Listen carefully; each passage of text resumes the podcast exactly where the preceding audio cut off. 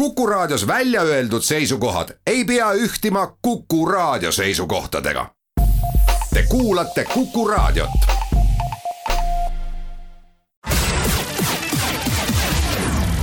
nädala Tegija. nädala Tegija astub hääletusammuga RM stuudio põrandal. ja tere nüüd ka Nädala Tegija stuudiost. oleme palunud täna külla peaminister Kaja Kallase. proua peaminister, tere tulemast Kukusse! tere! saatejuht on Ulla Lents. no meie kõige tähtsam teema, olukord koroonaviirusega, selle nädala numbrid noh, nad ei ole ülihead, aga nad lähevad toredamaks valitsus samas on äh, piirangute leevenemisel ikkagi hästi ettevaatlik. et te tulevaks nädalaks väga palju uusi leevendusi ei luba, aga, aga noh, millal võiks minna natukene paremaks, natuke vabamaks see elu? jah, me tõesti liigume järk-järguliselt, et, et koroonaviiruse olukord on paranemas, ma iga hommik, kui tulevad need numbrid, ma alati võrdlen eelmise reedega, et täna on ka vähem nakatunuid, kui eelmisel reedel oli ja, ja ka protsent testidest on läinud alla, et see on kõik positiivne. eks vaktsineerimine aitab kaasa, suvi aitab kaasa ja, ja selles suhtes seda trendi tuleb hoida. samas ma sain eile reoveeuuringud, mis näitavad tõusu ja teatud piirkondades on tõus ja reoveeuuring tavaliselt tuleb natuke natuke, eespool nendest tegelikest nakatumise numbritest. Seetõttu me peame ikkagi olema ettevaatlikud, et et äh, noh, meditsiinisüsteem äh, peaks vastu, aga kui me samal ajal teiselt poolt vaktsineerime, noh eile ka vaktsineerisime jälle kuusteist tuhat inimest, see on Paide jagu inimesi tegelikult korraga, et äh, siis me saame jälle inimesi riski alt välja ja, ja noh, hea näide on ikkagi hooldekodud, et hooldekodud, kui vaadata seda graafikut, et siis, kui oli hästi kõrge see märtsi, veebruar-märts, kus see nakatumine oli hästi-hästi kõrge üle Eesti, siis hooldekodudes oli ta väga väga madal, mis näitab seda, et vaktsineerimine äh, töötab ja veelgi enam, et, et praegu on ta endiselt madal, et need, kes siis üldse jäävad haigeks, aga, aga veelgi enam need, kes siis satuvad haiglasse või, või surevad, et, et see, need kriipsud on väga madalal, äh, mis on positiivne. ja samuti, kuna me oleme vanemaealisi suutnud rohkem vaktsineerida, siis on läinud ka alla rasked haigusjuhud, ehk siis haiglas on ka vähem inimesi, inimesi, täna oli siis ka alla kahesaja inimese, nii et, et see kõik on positiivne. nüüd, mis puudutab leevendusi, siis kahekümne neljandast äh, leevenevad siis osad piirangud, näiteks äh, saab siis siseruumides ka ähm, äh, restoranis käia ja, ja samamoodi teatrid, kontserdid, kinod lähevad äh, lahti ja kolmekümne esimesest siis äh, on veelgi piiranguid, mis puudutavad äh, ülejäänud tegevusi, et ähm, et noh, see eesmärk oleks ikkagi seda, et me jõuaksime äh, sellelt oranžilt ohutasemelt, kus me praegu oleme, nii-öelda kollasele ja sealt edasi rohelisele, et et me ei jääks kuhugi platoole pidama, sest et alati, kui me jääme platoole, siis see kasv tuleb selle platoo pealt. ja noh, kuna lapsed nüüd läksid kooli ja paljud piirangud leevenesid, siis kerge kasv ikkagi tuleb, aga me loodame, et see tuleb äh, nakatumiste osas, mis on nooremad inimesed, kes haiglasse ei satu. no see ühiskonna ootus, et noh, millal läheks täitsa vabaks, see ootus on ikkagi päris suur, ürituste korraldajad, noh, kõik on nagu pannud endale paika piirid, et noh, et kui umbes juulikuuks ühiskond päris vabaks ei lähe, et siis tuleb sügis peale ja me ei jõuagi, et kõik ootavad seda hetke ja keegi ei tea ju ka, kui pikk see hetk on. Mm.. et, et kas mingi piirini on nagu valitsus mõelnud ka, et, et, et noh, et kus on see see koht, kus me ütleme, vaat nendele ürituste korraldajatele, et kas sel suvel on lootust või mitte, ma saan aru, et ennustamine on väga tänamatu mm. töö, aga ikkagi. jah, järgmine nädal meil ongi plaanis seda just arutada, sellepärast et kõigil on neid vastuseid vaja. mida me nüüd arutasime sellel nädalal, arutasime seda äh, siis äh, nii-öelda paketti, et, ähm, et ka kuidas näiteks vaktsineerit-, vaktsineerimissertifikaati kasutada suuremate ürituste tegemisel ja kuidas oleks võimalik siis suuremaid üritusi ka teha, et nakkusrisk oleks väike. et, et noh, näiteks ähm, kui sul on, tahad korraldada, ma ei tea, viie tuhande inimesega üritus, siis on sul kaks võimalust, et kas sa kontrollid inimeste vaktsineeritust või siis need, kes vaktsineeritud ei ole, saavad teha kohapeal kiirtesti ja kui see kiirtest on negatiivne, siis pääsevad ka sinna üritusele. Et noh, selliselt saavad ürituse korraldajad ikkagi neid üritusi teha, inimesed saavad sinna minna, ilma et nad peaksid olema mures siis sellepärast, et see nakkus leviks. et noh, seda me peame kogu aeg ikkagi mõtlema ja, ja oleme püüdnud mõelda just seda äh,, miks me tegime ka selle äh, valge raamatu, ehk siis kuidas me õpiks selle viirusega elama, et kuidas me igaüks teaks, kuidas käituma äh, peab selleks, et see ohutase läheks paremaks äh,, ohutase läheks kollaselt roheliseks ja me saaksime seal rohelises ka püsida just sellepärast, et siis siis ei ole ka töökohad ohus ja, ja inimesed saavad oma normaalset elu jätkata. no ilmselt see emotsionaalne taust, eriti veel natukene aega tagasi, kui need numbrid olid halvemad, et see emotsionaalne taust selle lubamise ja mitte lubamise kohta on, on väga erinev, on need, kes nagu tahaksid, et valitsus ei lubaks mitte midagi, keegi ei reisi, keegi ei tule kodust väljagi mm. ja on neid siis noh, kes tahaks, et ühiskond oleks palju rohkem mm. avatud et äh, ma tean, et muidugi te kuulate Teadusnõukoda eelkõige, aga te peate tegema otsuseid ka lähtuvalt sellest, et ühiskond peab kuidagi toimima et kui, kui keerulised need poliitilised mm kokkulepped valitsuses on? no see ongi just seesama, mida ma kogu aeg räägin, et, et inimestele meeldib kaasa tunda ohvritele, keda nad näevad ja nad näevad neid inimesi, kes on haiglas. Need on need numbrid, mida igapäevaselt esitatakse, need on need, kellele inimesed tunnevad kaasa. aga selle valemi teine pool on kõik need ohvrid, need nähtamatud ohvrid, keda me ei näe. inimesed, kes kaotavad töö, kes oma elutööd on ehitanud, noh näiteks kui see on mingi restoran ja enam nad ei suuda vastu pidada, sest see on olnud nii kaua kinni ja kliente ei ole ja raha äh, peale ei tule, peavad tegema väga rasked otsused, et me seda nagu iga päev uudistes ei näe, aga need ohvrid on ka olemas. ja seetõttu noh, meie valitsus ongi püüdnud äh, leida seda tasakaalu, et kust maalt me suudame taluda koormust meditsiinisüsteemile nii, et me hoiame ühiskonda ikkagi lahti. Äh, no paar nädalat tagasi oli Euroopa liidrite ülemkogu Portugalis ja mina imestasin seal, kuidas seal on olnud aasta aega maski kandmise kohustus tänaval, õues ja nende äh, siis ähm, nakkuse levik on tegelikult praegusel hetkel üsna madal. et kuidas inimesed taluvad neid piiranguid, et kõik on kinni ja, ja veel tänaval värskes õhus pead maski kandma. Äh, aga noh, seda mulle seletati nii, et, et noh, nende meditsiinisüsteemis on sellised puudused, et inimesed kardavad ka haigeks jääda ja seetõttu hoiavad tagasi. kui ma vaatan meie neid ohuhinnanguid, siis ongi täpselt need ohuhinnangud, kuidas inimesed tunnevad, et kas oht on suur või ei ole, on väga palju seotud nende piirangutega. ja noh, ma just mõtlen, et kuidas, kuidas sellest nõiaringist välja saada. et, et ei oleks nii, et, et sa hakkad käituma vastutustundlikult alles siis, kui valitsus sulle ütleb, et nüüd on kõik kinni, vaid et me saaksime hoida ära, et me ütleme, et ohutase on kollane, hoiame nagu eemale eh, teineteisest nii, et see ohutase ei läheks oranžiks, kus me peame jällegi piirama, sest see tähendab mõnele inimesele oma elutöö kadu või, või töö kadu või, või lastele hariduslünkasid me teeme siinkohal oma jutuajamisse väikese pausi ja hetke pärast jätkame. nädala Tegija. nädala Tegija astub hääletusammuga RM stuudio põrandal nädala Tegija saade läheb edasi, stuudios on peaminister Kaja Kallas ja vot just eile õhtul Euroopa Parlament ja Euroopa Liidu Nõukogu on jõudnud ka esialgsele kokkuleppele, kuidas peaks see digitaalne koroonatõend siis äh, töötama riikide vahel.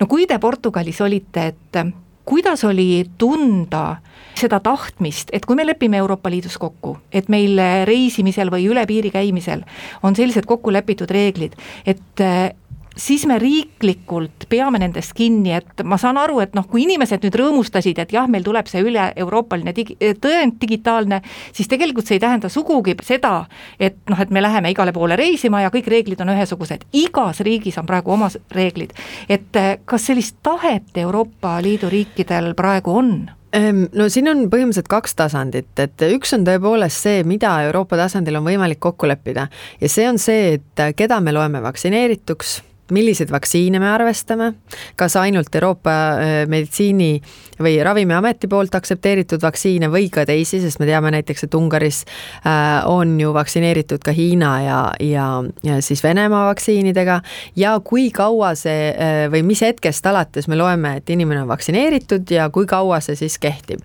et noh, need on need asjad, mis me saame kokku leppida. mis me veel saame kokku leppida, on see, et piiriületusel äh, noh, see tõend, mida kasutatakse, annab sulle selle äh, eelise, et sa saad äh, noh, siis ei pea testi tegema, et ja, ja teatud eelised siis, siis siseriiklikult, mis puudutavad näiteks isolatsioonikohustust. aga milles me kindlasti kokkuleppele ei jõua ja sellist püüdlust isegi ei ole, kuidas seda tõendit siseriiklikult kasutatakse. et noh, ma väga huviga kuulasin kõiki neid arutelusid ja erinevaid lähenemisviise, kuidas erinevates riikides on, et noh, näiteks Taanis äh, olla nii, et näiteks juuksurisse sa saad ainult vaktsineerimistõendi ette äh, näitamisel äh,. noh, samas jällegi noh, näiteks äh, Luksemburg, eks ole, ütleb, et, et ta ei saa mingeid selliseid piiranguid seada, kui me oleme praegu vaktsineerinud eelkõige vanemaid vanemaid inimesi, äh, siis, äh, siis noh, tegelikult äh, me diskrimineerime nooremaid. ja, ja, ja noh, aga mis minu arvates on nagu, mida seal paar riiki ka pakkusid ja mis on ka meie selline lähenemine, on see, et, et ega vaktsineeritud ei saa otseselt eriõigusi, aga nad saavad võib-olla mingeid asju mugavamalt, et noh, näiteks täpselt, et kui sul on mingi rokk-kontsert või suur kontsert, siis sul on kaks järjekorda, ühes, kus sa lihtsalt näitad seda vaktsineerimistõendit Äh, saad sisse ja teises, kus sa pead seisma, et sinule tehakse see kiirtest, et, et see on negatiivne ja siis pääsed äh, samamoodi äh, kontserdile. et noh, sellisel juhul mõlemad pääsevad, aga ühel on lihtsalt kiirem tee. Ähm, et Ähm, et noh, aga, aga mida me nagu ka peaksime vaatama ja ei saa välistada, on see, et erasektor äh, võib hakata siis ähm, seda kasutama ka justkui nagu konkurentsieelisena, noh näiteks sa tahad öelda, et minu restoran on siin täiesti turvaline, sellepärast et ma kontrollin kõigil seda vaktsineerimissertifikaati. Äh, kui seda ei ole, siis, siis löögile ei pääse. et ähm, aga noh, see on siis erasektori otsustada, aga, aga praegune eesmärk on ikkagi see, et me saame selle selle viiruse nii alla, et meil tegelikult piiranguid ei ole ja siis seda teemat üldse ei tõusetugi. sest praegu ma saan aru, kuna Euroopa Komisjon on pidanud vajalikuks ka riike hoiatada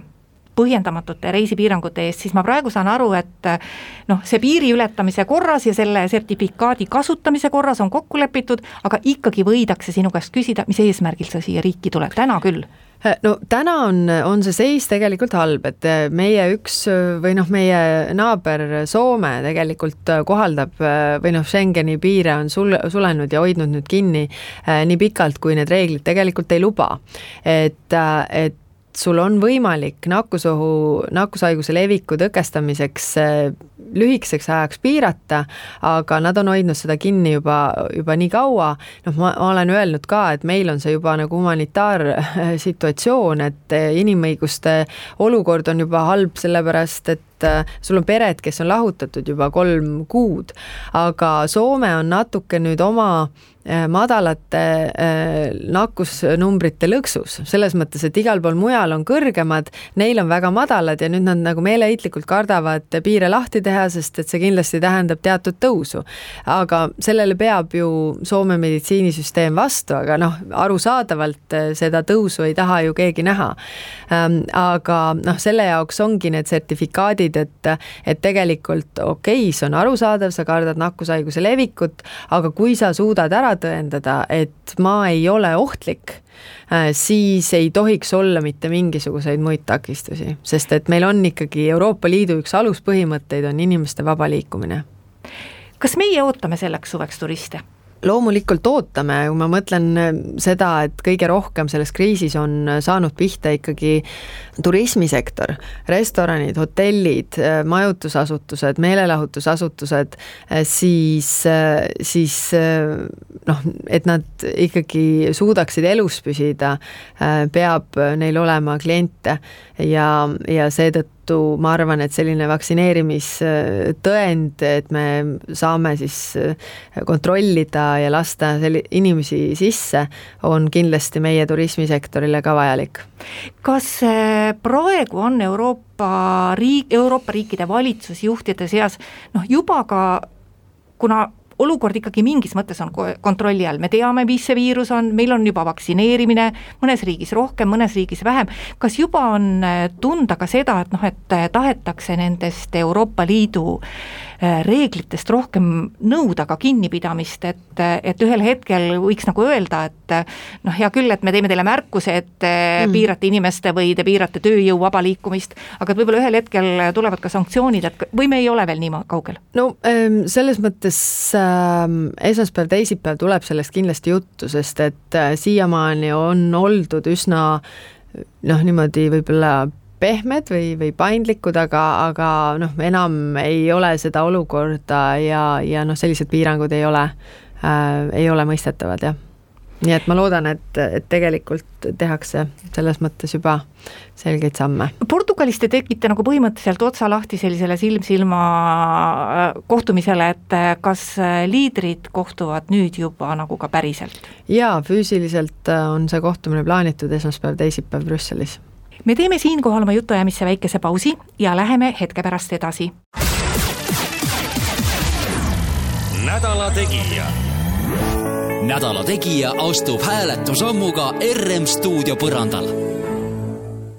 nädala Tegija saade läheb edasi, stuudios on peaminister Kaja Kallas. sellel nädalal on väga palju emotsioone üles kütnud äh, Kaitseväe orkester ja see ei ole mitte asi iseeneses, vaid seotud on see meie riigieelarve strateegiaga ja sellega, et praegune valitsus väl-, on välja öelnud, et kärpida tuleb et samamoodi riigivõlga kasvatada ei saa ja kärpima peavad kõik.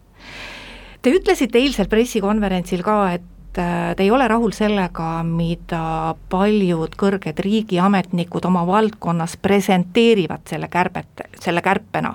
no olgu see Kaitseväe orkester siis siin üks näide,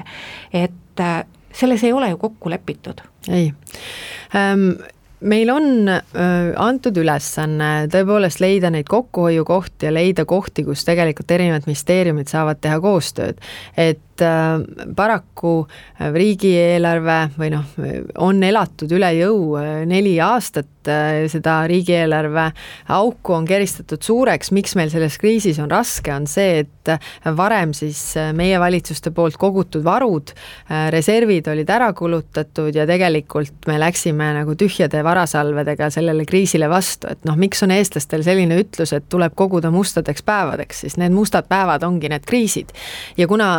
mustadeks päevadeks meie poolt kogutud äh, raha oli ära kulutatud, siis, siis see auk on lihtsalt väga-väga suur äh, eelarves, üle, üle miljardi on äh, siis puudu. Äh, loomulikult kriisis tuleb võtta laenu ja seda on ka võetud äh, selleks, et äh, teha siis vajalikke investeeringuid, et seda kriisi ületada. aga, aga me ei saa lõputult elada üle jõu.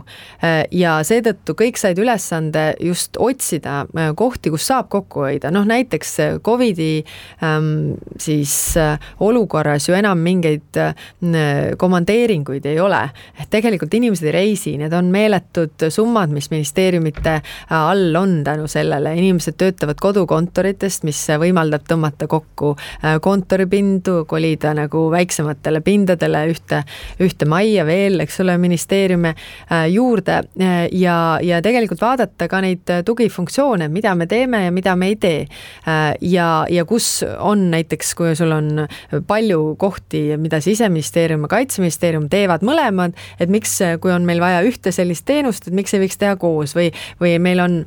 EAS, KredEx, MES, et noh, meil on nagu palju selliseid institutsioone, mis on kõik, eks ole, tähendab äh, ju täiendavaid kulusid, et noh, me tegelikult saame äh, teha neid asju optimaalsemalt. nüüd äh, eks äh, kui nii-öelda ametkond võitleb, ei taha mitte midagi äh, nagu maha võtta, vaid pigem tahaks alati nagu juurde äh, küsida, siis, siis see kõige, kõige lihtsam äh, nii-öelda poliitikuid äh, tanki panna või, või sellisesse ebamugavasse olukorda panna, on tuua välja mingid sellised asjad, mis tekitavadki väga palju emotsioone, võib-olla need ei ole suured kulud, aga nad tekitavad palju emotsioone ja siis sa saad kogu avaliku arvamuse nagu selle äh, kokkuhoiu vastu keerata. Ja justkui see siis äkki jääb ära. noh, minu arvates selles kriisis on pihta saanud erasektor kõige rohkem. erasektor on pidanud tõmbama rihma koomale, erasektor on pidanud inimesi koondama ja see ei ole õiglane, kui avalik sektor ütleb, et meie ei saa mitte ühtegi asja äh, tegemata jätta, äh, sellepärast et avalikku sektorit peetakse üleval maksumaksja tasku peal, mis tuleb erasektorist, et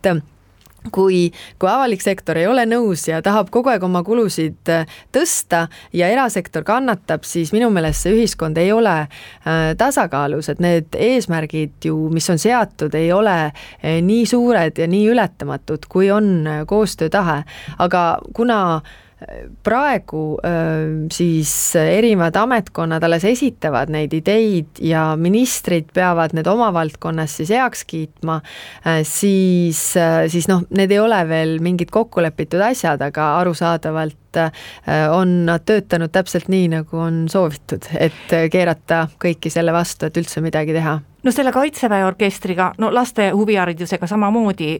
on ilmselt täpselt seesama, mida te kirjeldasite, saavutatud, et äh, eile läks asi nii kaugele, et äh, Esimeses stuudios äh, Keskerakonna aseesimees Jaanus Karilaid ütles, et valitsus peaks juba varsti, et vaata, otsustama, kas Kaitseväe juhataja ametist maha võtta. Nojah, Karilaid on ennemgi väga lennukate avaldustega esita-, esinenud ja ta ei ole valitsuse liige, et et, ähm, et noh, ma selle ka veel ükskord sada korda seda küll öelnud, aga korrigeeriks ära, et et ähm, äh, huvihariduse korraldamine on kohaliku omavalitsuse ülesanne ja tegelikult sada miljonit on huvihariduse korraldamiseks siis äh, kohalikud omavalitsused kasutanud. nüüd see toetus, mis riik on andnud kohalikele omavalitsustele äh,, seda on kasutatud väga erinevalt. Et, et noh, ma toon kogu aeg seda Tallinna näidet, et see ei ole alati läinud lastele, vaid hoopis, hoopis sinna, kuhu linnavalitsus ise tahab. et, et kui Tallinnas huvihariduses osaleb, erahuvihariduses osaleb kakskümmend tuhat last ja sinna on linnavalitsus pannud kakssada tuhat toetust ja munitsipaalhuvihariduses on kümme tuhat last ehk poole vähem ja sinna on linnavalitsus pannud, eks ole, üle kahe miljoni või kaks miljonit äh, umbes, siis, siis noh, need ei ole ju see, et, et lapsi on toetatud sellest, vaid on toetatud hoopis mingit, mingit muud äh, printsiipi. et et see huvihariduse toetamine peab olema sihitud just neile, kellel on vaja ja teiseks ka need, mis nõuavad ka suuremaid kulutusi, noh näiteks äh, loodusained, robootika, tehnikaringid, äh, kus, kus seda äh, on vaja nagu rohkem tuge, et need üldse toimuda saaksid. et, et see, et, et me nagu sihime neid asju paremini, ma arvan, on, on tegelikult õige ja jällegi mitte ükski laps ei jää sellest huvihariduseta need kaks asja, mida te nüüd ilusasti ära seletasite, nii Kaitseväe orkester kui, kui huviharidus, mis jah, tõesti, see on kohaliku omavalitsuse korraldada, et äh, Kaitseväe orkestrit on ju nimetatud veel ka sümbolväärtuseks, et täna keegi ei pea seal hakkama kotte pakkima, täna ei ole seda Tallinna linnale üle antud, täna ei ole kokku liidetud Politsei- ja Piirivalveameti ja, ja kaitseväe orkestrit, et see on ikkagi arutluse teema veel. Äh, jaa, minu teada küll, et, et noh, ma saan aru, et isegi on lausa äh, kolm ministrit äh, arutavad seda, et kultuuriminister, siseminister ja kaitseminister, et kuidas seda orkestrit ja orkestreid siis paremini ülal pidada ja, ja, ja noh, tulla siis mingi lahendusega välja, et et, see kõik on arutelude all ja, ja pole ähm, selliseid otsuseid ju veel tehtud. ja selle teema lõpetuseks veel nii palju, et noh, me ei räägi ju tänavusest äh, negatiivsest lisaeelarvest, me räägime tulevaste aastate eelarvetest, mille kärpimine tõenäoliselt sõltub palju ka sellest, missugused on edasised majandusprognoosid. jaa, absoluutselt, tähendab esiteks lisaeelarve, mis oli suvel, oli kuussada nelikümmend viis miljonit, see ei olnud negatiivne, see oli positiivne selles mõttes, et see oligi just kriisieelarve, äh, väga selgelt raha nendesse valdkondadesse juurde, kus on abi vaja, olgu see siis toetused ettevõtjatele või, või toetused tervishoiusüsteemile äh, või siis täiendavate vaktsiinide ostmiseks, testide ostmiseks. Äh, nüüd me räägime riigieelarve strateegia, mis on neljaks aastaks suundumuste paikapanemine. Ja, ja noh, veel kord, kaitse, kaitse-eelarve ju suureneb. kuuesaja neljakümnelt viielt, viielt miljonilt seitsmesaja kaheteistkümnele miljonile. mitte kunagi ei ole see olnud, ei ole ületanud seitsesadat miljonit, et seda raha ähm, tuleb ju äh, seal ka juurde, et ähm,, et noh, selles suhtes äh, see on nelja-aastane pikaajaline ähm, siis vaade, äh, aga, aga jällegi ma ütlen, et lihtne oleks öelda, et et noh, me ei tee midagi, aga tegelikult äh, nagu pikaajalises vaates me ei saa elada äh, siis äh, suuremate kuludega, kui meie tulud on, et noh, et kui, kui me ei saa kulusid kuidagi äh, ohjes hoida, siis me peame mõtlema, et kus, kust tulevad need täiendavad tulud ja need paraku jäävad siis meie laste kanda, et mul oli näiteks üks kohtumine siin, kus üks meesterahvas ütles, et no miks me ei võiks kordki üks põlvkond elada lihtsalt täiega niimoodi, et nii nagu me tahame. ma ütlesin, noh, et see on see, et pärast meid tulgu või veeuputus, aga teil ilmselt ei ole lapsi, et meil on nagu kolm ja ma mõtlen nende peale ka, et me ei saa nagu oma lastele äh, seda kohustust panna. vaadake Kreekat näiteks, hea näide, viisteist aastat tagasi Kreeka oli viiskümmend protsenti ehk poole rikkam kui Eesti. Äh, ja, ja nemad laenasid, laenasid, eks ju, äh, tegid kulutusi, võtsid üle jõu käivaid kohustusi, selle tulemusena on täna Kreeka viiendiku võrra vaesem, kui on Eesti ja see väljendub otseselt nende inimeste heaolus. Portugal samamoodi, see alandus, mida Portugal pidi läbi elama, sellepärast et nad äh, sinna tulid siis need troikad peale, eks ole, kõik, kellel nad võlgu olid, hakkasid ise ütlema, et vot selle jätame ära, selle jätame ära. et, ähm, et noh, seda nad mäletavad siiamaani ja noh, niimoodi ei taha sellisesse olukorda enam sattuda. meil on jällegi teistsugune nagu mälestus nendest aegadest, oli see, et, et noh, tundus ju, et noh, vot Kreekas elasid hästi, võtsid laenu kõvasti sellest ja, ja noh, nii edasi, aga, aga ma soovitan lugeda selle kohta erinevaid raamatuid ja vaadata, kuidas kreeklased ennast tegelikult täna tunnevad ja, ja see on, on see, mis väljendub nende heaolus samamoodi. me teeme ühe pausi oma jutuajamisse veel ja läheme kohe edasi. nädala Tegija nädala Tegija astub hääletusammuga RM stuudio põrandal nädala Tegija saade läheb edasi, stuudios on peaminister Kaja Kallas. Te olite nädala alguses visiidil Ukrainas ja ka noh, ilmselt on, on see selliste visiitide puhul üsna tavaline, et äh, noh, see riik, kes sinna läheb, kinnitab ka visiteeritava riigi püüdlusi, mis äh, Ukraina puhul on ikkagi see, et nad tahavad Euroopa Liidu mm -hmm. liikmeks saada Eh, kuidas või mismoodi Eesti saab toetada, noh, eh, Ukrainal on väga palju probleeme selleks, et täita Euroopa Liiduga liitumise kriteeriumeid ja üks, eh, üks kõige suuremaid probleeme selles riigis on kahtlemata korruptsioon. et on ju Euroopa Liidu riigid erinevate programmide abil aidanud seda riiki selle teemaga tegelemisel, aga noh, eks nad kõigepealt peavad ikkagi ise tahtma, et kas seal on nagu selles vallas natukenegi midagi paremaks läinud? Äh, jaa, äh, ma kohtusin ähm, Ukraina peaministriga, välisministriga, presidendiga äh, ja noh, nad on noored teotahtelised inimesed ja soov, selline poliitiline tahe neil kindlasti on olemas, aga Ukraina on suur riik ja eks nad teevad neid pingutusi Euroopa vaatest, tundub, et liiga aeglaselt lähevad asjad. noh, Ukraina jällegi ütleb, et, et noh, et, et nad on nagu kuidagi lootust kaotamas, et neile kuidagi ei, ei, ei paista nagu tunneli lõpus valgusega, aga noh, neid reforme on ikkagi vaja teha, et mida meie nüüd oleme teinud, et Ukraina on siis Eestile kõige suurem arengukoostöö partner ja me oleme aidanud neil tegelikult siis ehitada välja nende selle X-tee süsteemi, mis siis Ukrainas on Trembita nime all, et, et muuta kogu seda riigi juhtimist, valitsemist ka läbipaistvamaks, sest kui ta on läbipaistvam, siis see korruptsioon sealt siis, siis noh, see vähendab korruptsiooni riski. me oleme aidanud, mina isiklikult olen aidanud Euroopa või seda Ukraina parlamenti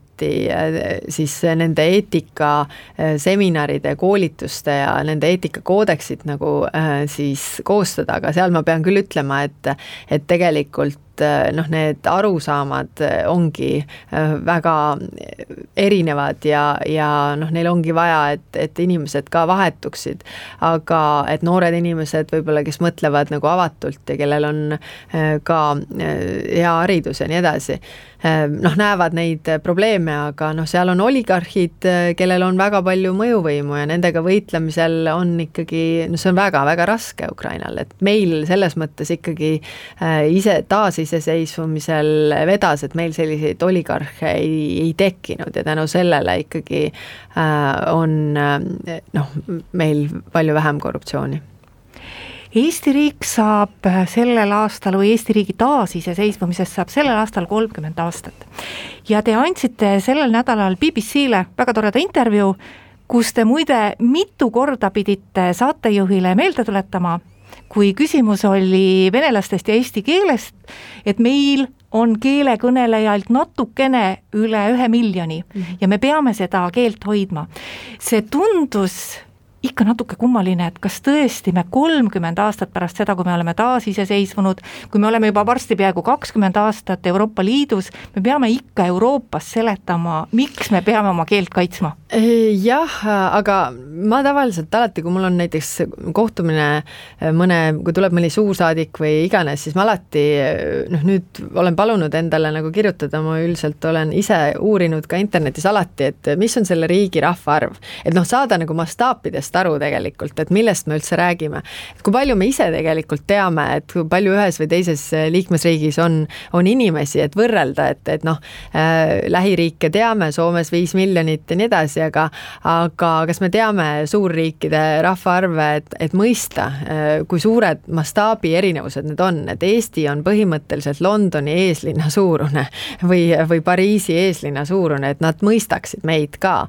Ähm, et seda peab jah, paraku kogu aeg seletama, et, et noh, miks, miks lihtsalt, miks te ei laseks lihtsalt vabaks. Äh, ja noh, ma seletasin ka seal, et, et vaadake, et, et meil on väga väike keel ja kultuur ja seda tuleb kaitsta, sest et eh, alati suur keel kipub võtma üle eh, ja ei ole mingit ohtu, et vene keel maailmast kaoks, sest seda räägib sada seitsekümmend kolm miljonit inimest.